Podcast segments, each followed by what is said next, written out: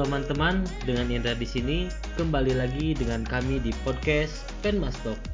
Oke, kali ini Penmastok kedatangan beberapa narasumber yang akan berbincang-bincang mengenai belajar di rumah apakah efektif atau tidak.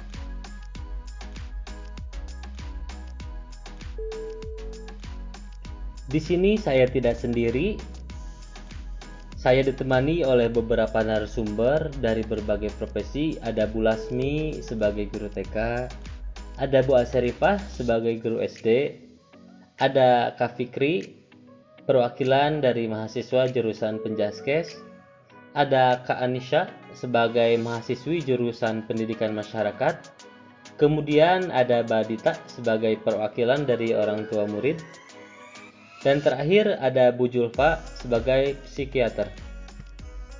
Hampir dua bulan ini sekolah-sekolah maupun universitas diliburkan atau yang lebih tepatnya yaitu belajar di rumah yang lebih dikenal dengan learn from home. Namun, bukan hanya sekolah saja yang dirumahkan, akan tetapi berbagai pekerjaan pun terpaksa dirumahkan atau work from home dikarenakan ada pandemi COVID-19.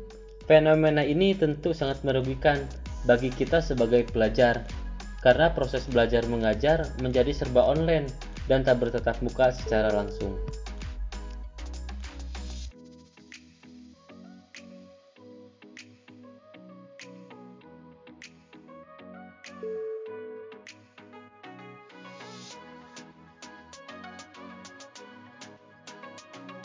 Oke, tanpa berlama-lama, tanpa panjang lebar lagi, saya ingin bertanya kepada Bu Lasmi sebagai guru TK, bagaimana cara guru TK khususnya mengatasi belajar online pada peserta didik?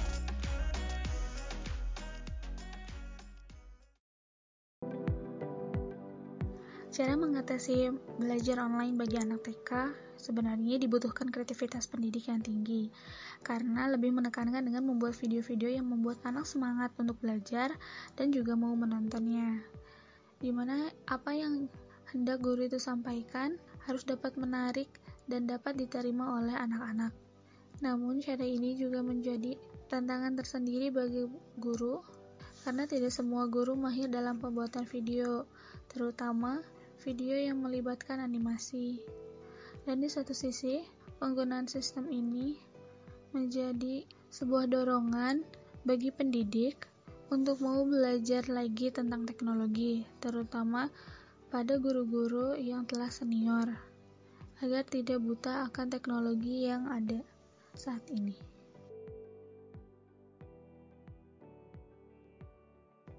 Untuk pertanyaan kedua, Apakah dengan belajar online dapat tetap mempertahankan kualitas pendidikan serta pengetahuan anak dalam pembelajaran? Belajar secara online sebenarnya dapat menurunkan kualitas pendidikan anak. Itu bisa ditimbulkan dari beberapa faktor. So, contohnya, orang tua yang kurang perhatian pada pendidikan anaknya, meskipun dalam rumah, dan hanya menyuruhnya saja tapi tidak mendampingi.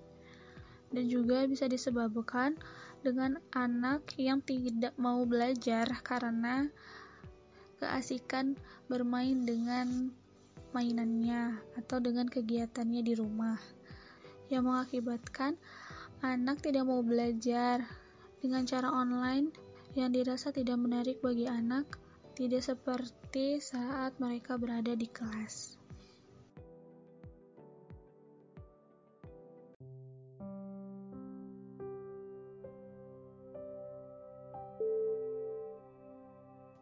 Terima kasih kepada Bu Lasmi yang telah memberikan penjelasannya. Baik, yang selanjutnya saya akan bertanya kepada Bu Aserifah selaku guru SD mengenai masalah dalam kegiatan belajar mengajar untuk anak-anak SD. Apakah dengan online ini tugas anaknya menjadi lebih banyak atau malah menjadi ringkas? Saya, selaku guru SD, memberikan tugas kepada siswa lebih ringkas, karena menurut saya mereka masih duduk di bangku SD dan tidak selayaknya diberi tugas yang melimpah. Tugas yang sedikit saja, terkadang bukan mereka yang mengerjakan, tetapi malah orang tua mereka ataupun saudara mereka. Dan menurut saya, pembelajaran online ini tidak efektif, karena semua siswa tidak mendapatkan informasi pembelajaran, baik tugas maupun materi. Apalagi mereka yang hidup di pedesaan atau mungkin orang tua mereka yang tidak mampu, sehingga terjadi hambatan untuk melakukan proses pembelajaran. Tetapi, dikarenakan tuntutan penilaian, saya akan memaksimalkan mungkin tugas yang saya berikan kepada siswa yang dapat mencakup semua aspek nilai sehingga siswa tersebut dapat memenuhi karakteristik nilai dan mendapatkan nilai yang bagus.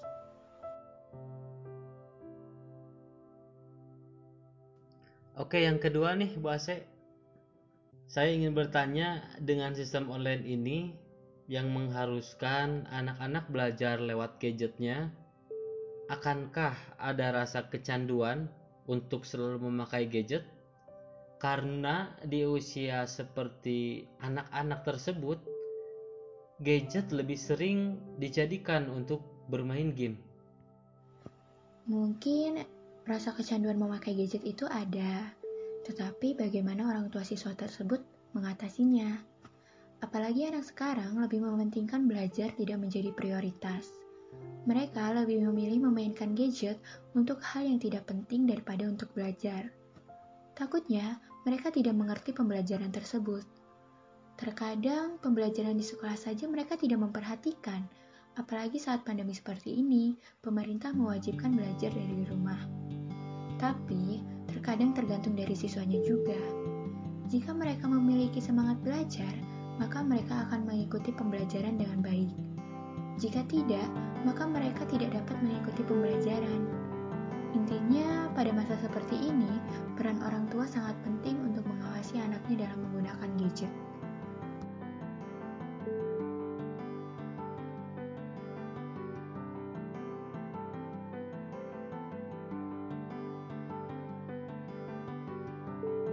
Terima kasih kepada Bu Ase yang telah memberikan penjelasannya mengenai masalah dalam kegiatan belajar anak-anak SD.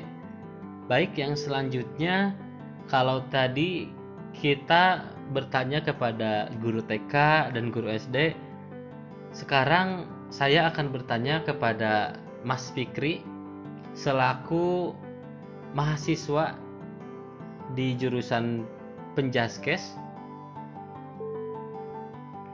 Oke, sekarang saya akan bertanya kepada mahasiswa, lebih tepatnya kepada Mas Fikri. Pasti tak asing dengan perkuliahan yang lebih sering praktek daripada materi. Karena Mas Fikri sebagai mahasiswa jurusan Penjaskes. Lalu ketika pembelajaran online seperti ini, bagaimana caranya praktek mata kuliah Penjaskes? Apakah diganti ke materi atau seperti apa nih? Baik Bang Indra, terkait pembelajaran di jurusan pendidikan jasmani sendiri, memang kebanyakannya materi penugasan teknik atau praktik dalam suatu cabang olahraga dibandingkan dengan teorinya. Nah, juga terkait dengan apakah materi praktik pada jurusan pendidikan jasmani diganti atau gimana? Memang selama masa pandemi ini yang mana pembelajaran itu dilaksanakan di rumah masing-masing. Tetap saja dilaksanakan, misalkan dosen dari jurusan sendiri yang memberikan tugas kepada mahasiswa supaya mereka melakukan atau mempraktikkan teori-teori yang diberikan selama di perkuliahan. Misalnya, dengan cara membuat video tentang bagaimana teknik penguasaan dribble pada permainan sepak bola, di mana tugas tersebut bisa dijadikan nilai praktikum. Nah, mungkin seperti itu Bang Indra terkait pembelajaran selama masa pandemi di jurusan pendidikan jasmani. Terima kasih. Oke, next. Mumpung di sini nih Mas Fikri, adakah keluhan dalam melaksanakan pembelajaran secara online? Misalnya materi yang diberikan tidak efektif atau waktu perkuliahan yang singkat atau seperti apa nih menurut Mas Fikri keluh kesahnya dalam pembelajaran secara online. Baik Bang Indra terkait hambatan atau keluhan yang saya rasakan selama pembelajaran dalam jaringan ini. Yang pertama dari segi masalah jaringan. tentunya setiap uh, individunya gitu berbeda-beda lokasi atau zonanya tersendiri yang itu merupakan uh, masalah gitu dalam jaringannya. Nah, ketika mereka menyampaikan presentasi atau materi baik itu dosen ataupun mahasiswa, terkadang itu uh, dari suaranya pun ada yang putus-putus bahkan atau bahkan ada yang lost connection gitu bang. Yang itu yang itu menghambat satu pembelajaran. Yang kedua dari segi kuota internet. Tentunya dalam pembelajaran melalui jaringan ini kan kita menggunakan video conference seperti aplikasi Zoom. Nah itu tuh harus begitu mempunyai kuota internet yang benar-benar siap. Kalau kuota kita limit dia ditakutkan gitu. Pas tengah-tengah tuh nggak bisa mengoperasikan gitu. Jadi terhambat juga sih kalau gitu menurut saya mah. Jadi harus gitu dipersiapkan kuota internetnya gitu. Yang yang banyak lah supaya e, pembelajaran pun dapat e, tidak menghambat gitu atau lancar lah terus yang selanjutnya ketiga penyampaian materi tidak efektif nih maksudnya dalam pembelajaran selama masa pandemi ini terbatas dengan waktu. Misalkan, dalam perkuliahan offline kan pembelajaran pun dapat menghabiskan paling sedikitnya 2 SKS setiap mata kuliah itu. Namun pada masa pandemi ini pembelajaran tuh hanya 30 menit saja gitu Bang, berhambat berhubung juga keterbatasan media atau softwarenya yang memiliki keterbatasan untuk melakukan pembelajaran selama berjam-jam gitu Bang. Nah, sehingga pembelajarannya pun terburu-buru oleh waktu. Yang saya rasa itu tidak efektif gitu dalam penyampaiannya. Karena memang setiap individu kan memiliki gaya belajar yang berbeda ya bang. Atau penerimaan materinya yang berbeda-beda. Ada gitu mahasiswa yang benar-benar harus mendetail gitu dalam memahami dan materi materinya gitu. Ada juga yang emang secara intinya dia sudah langsung paham gitu bang. Yang keempat selanjutnya masih banyak gitu yang gaptek nah ini perlunya penguasaan individu terhadap teknologi masih masih ada gitu ma mahasiswa yang belum paham untuk mengoperasikan software atau media pembelajaran. Mereka masih banyak yang belum paham penggunaan software. Dirasa itu menghambat mereka dalam mengikuti pembelajaran. Nih misalnya, dalam pengumpulan tugas melalui software, mereka tuh merasa takut gitu, takut salah dalam mengumpulkannya atau mengoperasikannya. Karena dalam teknisnya kan pengumpulan itu ada berdasarkan estimasi waktu nih Ditakutkan mereka tidak bisa mengoperasikannya juga dan menghambat mereka untuk mengumpulkan tugas tersebut sehingga mereka tuh telat atau ditutup uh, submissionnya gitu kalau di software Edmodo gitu.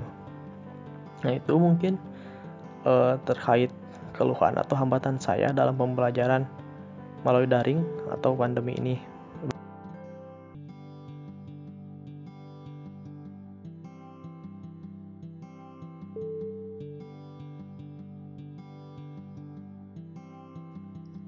Kalau tadi saya bertanya kepada mahasiswa, kurang abdol kalau misalnya saya tidak bertanya kepada mahasiswi. Di sini kita kedatangan Mbak Anisha selaku mahasiswi dari jurusan Pendidikan Masyarakat. Oke, Mbak Anisha, ketika melaksanakan perkuliahan secara online ini, ada gak hal positif dan ada gak hal negatifnya? Untuk hal positif dan negatif dalam perkuliahan online, mungkin semua mahasiswa merasakan kali ya teman-teman mahasiswa lain pasti merasakan juga ada hal positif dan negatif dalam perkuliahan online. Tapi untuk uh, yang saya rasakan sendiri sebagai mahasiswa, hal positif dari perkuliahan online ini um, kita jadi nggak tertinggal materi gitu kita tetap bisa melaksanakan perkuliahan sebagaimana mestinya. Kita bisa melakukan presentasi kita tetap bisa melakukan tugas eh, kita bisa tetap mengerjakan tugas-tugas seperti biasa aja gitu. Cuman bedanya mungkin kita melaksanakannya secara online tidak bertatap muka secara langsung tidak bertemu secara langsung. Jadi kita mengerjakannya lewat ya digital gitu online secara online gitu. Terus uh, untuk hal-hal negatifnya mungkin dilihat dari medianya kali ya karena kan penggunaan perkuliahan secara online ini pasti kan menggunakan aplikasi video video conference biasanya dan saya juga menggunakan Zoom dan beberapa juga menggunakan Google Meet. Nah, untuk penggunaan video seperti itu pasti dibutuhkan sinyal juga kan yang besar, sinyal yang kuat gitu, sinyal yang banyak. Dan kadang terkendala dengan sinyal dan jaringan itu sedikit uh, sedikit apa? kurang efektif gitu, kurang maksimal dalam uh, pembelajaran. Jadi kadang di tengah di tengah video lagi menjelaskan tentang materi kadang video keluar sendiri terus kadang juga terhenti dan sebagainya gitu mungkin teman-teman mahasiswa pasti ada juga yang merasakan nah di situ juga kita juga ngerasa kayak uh, agak sulit gitu untuk melaksanakan perkuliahan secara online. Karena kan beberapa daerah juga teman-teman mahasiswa pasti ada juga yang namanya gangguan sinyal terus kurang kurang adanya jaringan gitu. Dan juga selain masalah sinyal juga masalah boros kuota juga. Karena pengeluaran kuotanya lebih besar daripada mungkin pengeluaran-pengeluaran di bulan-bulan sebelum adanya pandemi ini gitu. Terus juga untuk masalah selain kuota masalah waktu juga yang biasanya kita mungkin beberapa dua SKS itu dilaksanakan selama beberapa jam jadi dipersingkat menjadi 30 menit itu menurut saya sih kurang maksimal ya itu aja sih dalam hal negatif dan positif selama perkuliahan secara online.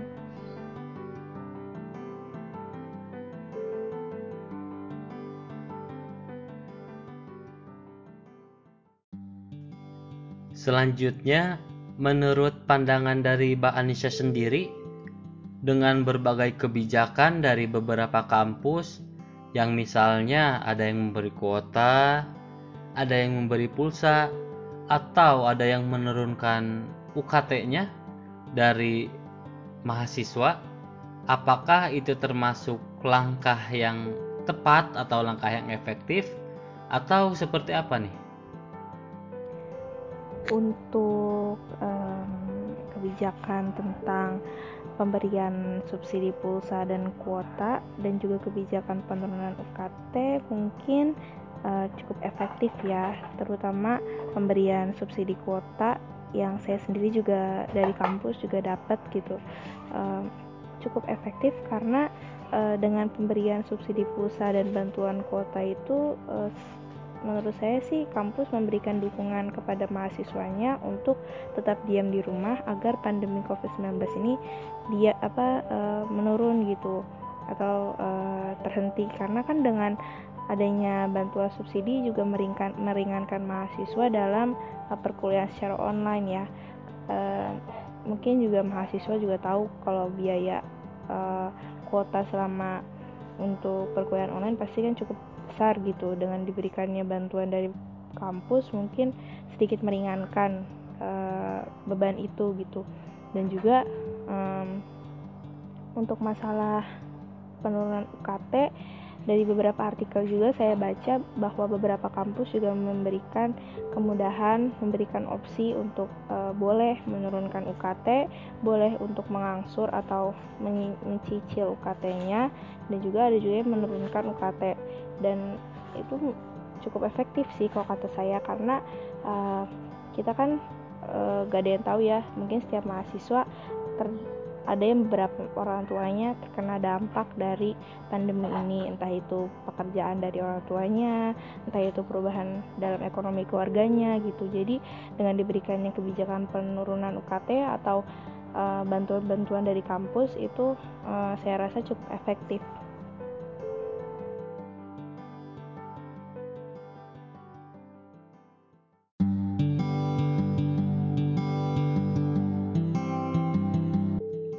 Baik, terima kasih kepada Mas Pikri dan juga Mbak Anissa yang telah memberikan penjelasannya, pengetahuan kepada kita semuanya. Lanjut, sekarang ada dari orang tua murid, yaitu Mbak Dita, Mbak atau Bu Dita nih, saya manggilnya. Mbak Dita aja kali ya.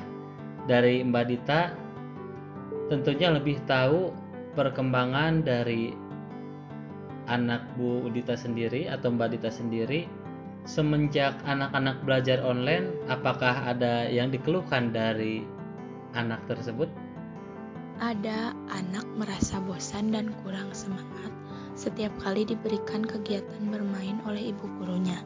Terus anak juga merasa jenuh karena belajarnya cuma sendirian, e, tidak seperti biasanya ramai banyak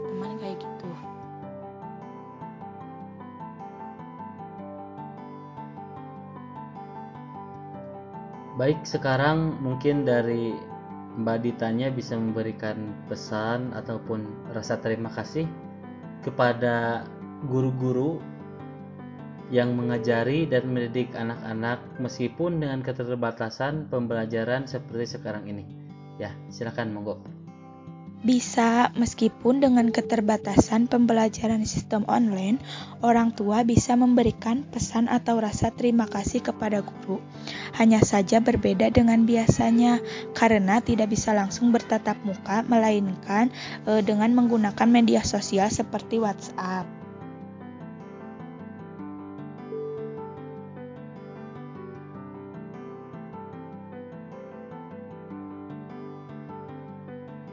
Baik, terima kasih kepada Mbak Dita selaku orang tua dari murid. Kemudian dari guru sudah menyampaikan, kemudian dari mahasiswa dan dari mahasiswi pun sudah menyampaikan, dari orang tua murid pun sudah menyampaikan. Yang terakhir di episode ini telah kedatangan dari psikiater yang akan memberikan pencerahan ataupun mengatasi dari berbagai masalah yang sering terjadi di masa pandemi ini. Ada Bu Julfa yang akan saya tanyakan. Yang pertama, bagaimana mengatasi rasa malas dalam pembelajaran secara online ini? Karena sering kali kesannya monoton dan menjadikan para murid dan mahasiswa menjadi tidak aktif dalam pembelajarannya. Baik teman-teman, kali ini kita akan membahas tentang bagaimana cara mengatasi rasa malas dalam pembelajaran secara online. Malas sejatinya merupakan sejenis penyakit mental, di mana setiap orang memiliki potensi untuk terkena penyakit malas tersebut. Menurut beberapa sumber menjelaskan bahwa malas adalah rasa ketidakinginan seseorang untuk melakukan sesuatu, baik yang sudah menjadi rutinitasnya ataupun yang menjadi aktivitas sekali-kali dengan berbagai penyebab. Nah, secara teori, penyebab rasa malas itu disebabkan karena dua faktor, yaitu faktor intern dan ini yang sangat berbahaya, dan faktor ekstern. Yang paling sulit diatasi adalah faktor yang timbul dari diri sendiri. Artinya kalau rasa malas itu ada, dimotivasi sebesar apa pun oleh orang lain, sulit untuk mengembalikan ke kondisi awal. Kondisi saat ini telah kita ketahui bahwa dunia pendidikan sedang merubah sistem pembelajarannya, di mana pembelajaran yang dilakukan yaitu dengan menggunakan pembelajaran secara online atau daring, di mana para pelajar dituntut untuk tetap belajar walaupun hanya di rumah saja. Oleh karena itu, memerlukan motivasi yang sangat besar untuk melakukan pembelajaran secara online, terutama orang tua sangat berperan penting dalam mendorong serta mengawasi anak-anaknya untuk tetap belajar produktif di rumah. Apalagi dengan pembelajaran yang dilakukan secara online ini. Karena ada banyak faktor yang menjadikan para pelajar memiliki rasa malas yang tinggi untuk melakukan pembelajaran secara online, seperti sinyal yang kurang support, kemampuan dalam menerima materi yang disampaikan secara online, kurangnya fasilitas yang mendukung pembelajaran online, dan lain sebagainya. Menurut Dollard dan Miller, psikologi asal Amerika Serikat menyebutkan bahwa perilaku manusia terbentuk karena faktor kebiasaan. Jika seseorang terbiasa bersikap rajin dan bersemangat, maka ia akan selalu rajin dan bersemangat. Begitu juga sebaliknya. Oleh karena itu, rasa malas merupakan sikap yang bisa dilawan dan dapat dirubah. Nah, bagi teman-teman, Kali ini ada beberapa cara yang bisa dilakukan untuk mengatasi atau mengurangi rasa malas tersebut, terutama dalam melakukan pembelajaran secara online. Yaitu yang pertama membuat tujuan. Kenapa penting membuat tujuan? Karena orang yang malas biasanya tidak memiliki motivasi untuk berkembang ke arah kehidupan yang lebih baik. Sementara orang yang tidak memiliki motivasi biasanya tidak memiliki tujuan hidup yang pantas dan layak untuk diraih. Tanpa tujuan, resolusi, atau komitmen-komitmen pencapaian hidup, maka seseorang hanya bergerak secara naluriah dan sangat rentan diombang-ambingkan situasi di sekelilingnya. Kemudian yang kedua, disiplin diri. Jika kita mau bersikap keras dan disiplin pada diri sendiri, maka banyak hal akan bisa kita kerjakan dengan baik. Rasa malas jelas sangat merugikan kita. Dan obat paling mujarab adalah menumbuhkan kebiasaan mendisiplinkan diri dan menjaga kebiasaan positif tersebut. Nah, kemudian yang ketiga yaitu melakukan pergaulan yang dinamis. Ada sebuah ungkapan yang mengatakan bahwa para pemenang berkumpul dengan sesama pemenang sementara para pecundang cenderung berkumpul dengan sesama pencundang. Artinya bahwa lingkungan kita sangat memberi pengaruh yang sangat besar dalam pembentukan sikap kita. Nah, mungkin itu hal-hal yang bisa teman-teman lakukan dalam mengatasi rasa malas. Kemudian ada beberapa cara yang bisa dilakukan agar pembelajaran secara online ini tidak terkesan monoton Mungkin ini berkaitan erat dengan seorang pendidik, di mana seorang pendidik bertugas untuk menjadikan pembelajaran bagaimana agar tidak terkesan monoton. Nah, para pendidik bisa menggunakan beberapa metode atau teknik pembelajaran yang bervariasi agar pembelajaran tidak terkesan monoton. Misalnya, pendidik dengan menggunakan metode pembelajaran tanya jawab, di mana Pendidik melemparkan beberapa pertanyaan kepada peserta didik dan peserta didik mencoba menjawab dari pertanyaan tersebut. Nah, metode ini akan lebih mendorong peserta didik untuk ikut berpartisipasi aktif dalam proses pembelajaran, apalagi pembelajaran secara online ini. Dan masih banyak lagi metode-metode atau teknik pembelajaran yang bisa dilakukan dalam pembelajaran secara online.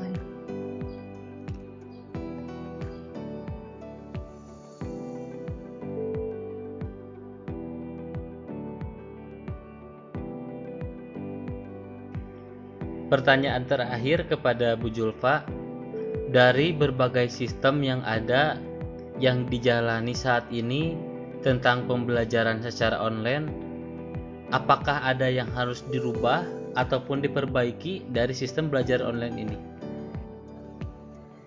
Pembelajaran yang dilakukan secara online merupakan solusi yang diambil pemerintah dalam menghadapi kondisi saat ini pada dunia pendidikan.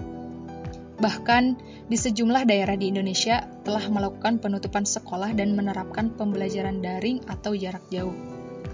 Hal ini dilakukan dalam rangka meminimalisasi cepatnya penyebaran COVID-19. Kebijakan penutupan tersebut sebagai respon terhadap kebijakan dan imbauan pemerintah untuk melakukan social distancing. Kebijakan belajar di rumah ini mulai diterapkan pada Senin 16 Maret tahun 2020 dan telah diterapkan pemerintah, seperti DKI Jakarta, sejumlah kabupaten atau kota di Jawa Barat, Jawa Tengah, DKI Yogyakarta, dan lain sebagainya. Tetapi pembelajaran dari yang sudah berjalan selama ini masih perlu dilakukan evaluasi dan terus ditingkatkan. Karena sistem pembelajaran jarak jauh memang tidak seefektif sistem tatap muka Hal ini juga memberikan pelajaran bahwa sehebat apa pun teknologi dan informasi ataupun robot tidak bisa menggantikan seorang pendidik. Apalagi di tengah kondisi darurat seperti saat ini. Banyak hal yang perlu dipersiapkan dengan baik agar proses pembelajaran bisa berjalan dengan optimal. Misalnya, infrastruktur seperti jaringan internet yang memadai. Dalam sistem pembelajaran daring ini tidak cukup dengan hanya menyiapkan infrastruktur berupa jaringan dan platform aplikasi. Ada tuntutan yang justru lebih sulit dari itu, yaitu kesiapan sumber daya manusia dan para pelajar. Kesiapan SDM dan pelajar ini mutlak diperlukan, sebab tidak ada gunanya infrastruktur dan fasilitas baik jika para pengguna seperti guru dan pelajar tidak siap menjalankannya. Dillon NCN Gunawardena tahun 1995 menyebutkan terdapat tiga hal yang akan menentukan efektivitas dalam pembelajaran jarak jauh. Pertama, teknologi. Dalam hal ini, pelajar harus punya akses yang mudah terhadap jaringan dengan waktu seminim mungkin. Kemudian yang kedua, karakteristik pengajar. Pengajar memegang peranan penting dalam efektivitas pembelajaran secara daring. Dan yang terakhir, karakteristik siswanya sendiri. Dan pada intinya, kesuksesan pembelajaran daring selama masa krisis COVID ini tergantung pada kedisiplinan semua pihak. Oleh karena itu, Pihak sekolah di sini perlu membuat skema dengan menyusun manajemen yang baik dalam mengatur sistem pembelajaran daring. Nah, teman-teman, hal ini dapat dilakukan dengan membuat jadwal yang sistematis, terstruktur, dan simpel untuk memudahkan orang tua dalam mengontrol belajar anak di rumah. Jadi, agar pembelajaran yang dilakukan secara online dapat berhasil, perlu kerjasama yang baik antar semua pihak, baik dari pihak pemerintah, pendidik, peserta didik, dan orang tua peserta didik, serta infrastruktur yang dapat mendukung pembelajaran secara online.